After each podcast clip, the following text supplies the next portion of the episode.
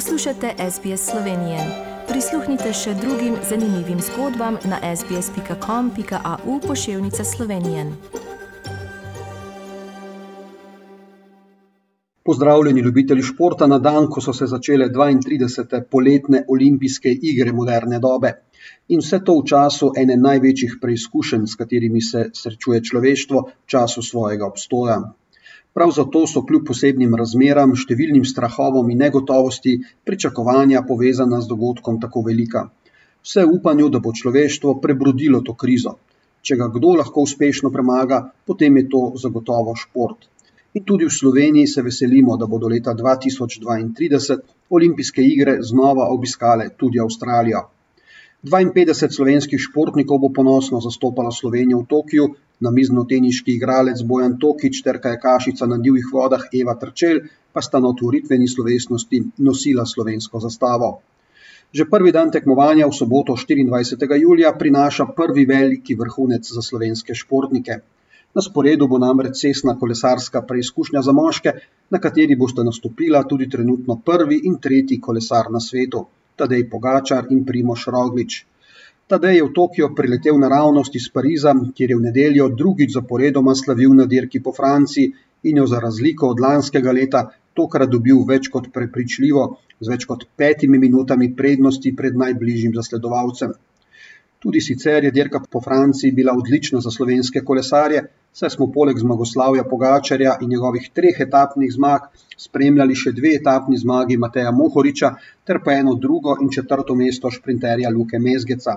Mohoriča in Mezgeca ni v Tokiu, bo pa tam Primoš Roglič, ki si je že pomogel po poškodbah, zaradi katerih je moral zapustiti dirko po Franciji, ter Jan Polanc in Jan Tratnik.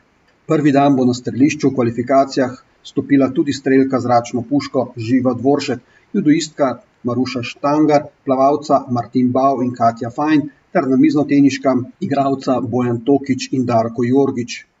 Vrnimo se še malo k uspehih slovenskih športnikov v dneh pred začetkom olimpijskih iger.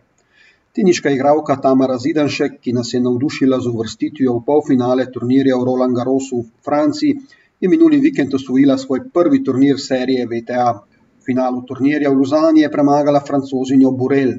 Po uspehu se je Zidanškova zavihtela še više na VTA lestvici in je trenutno 37. igralka na svetu.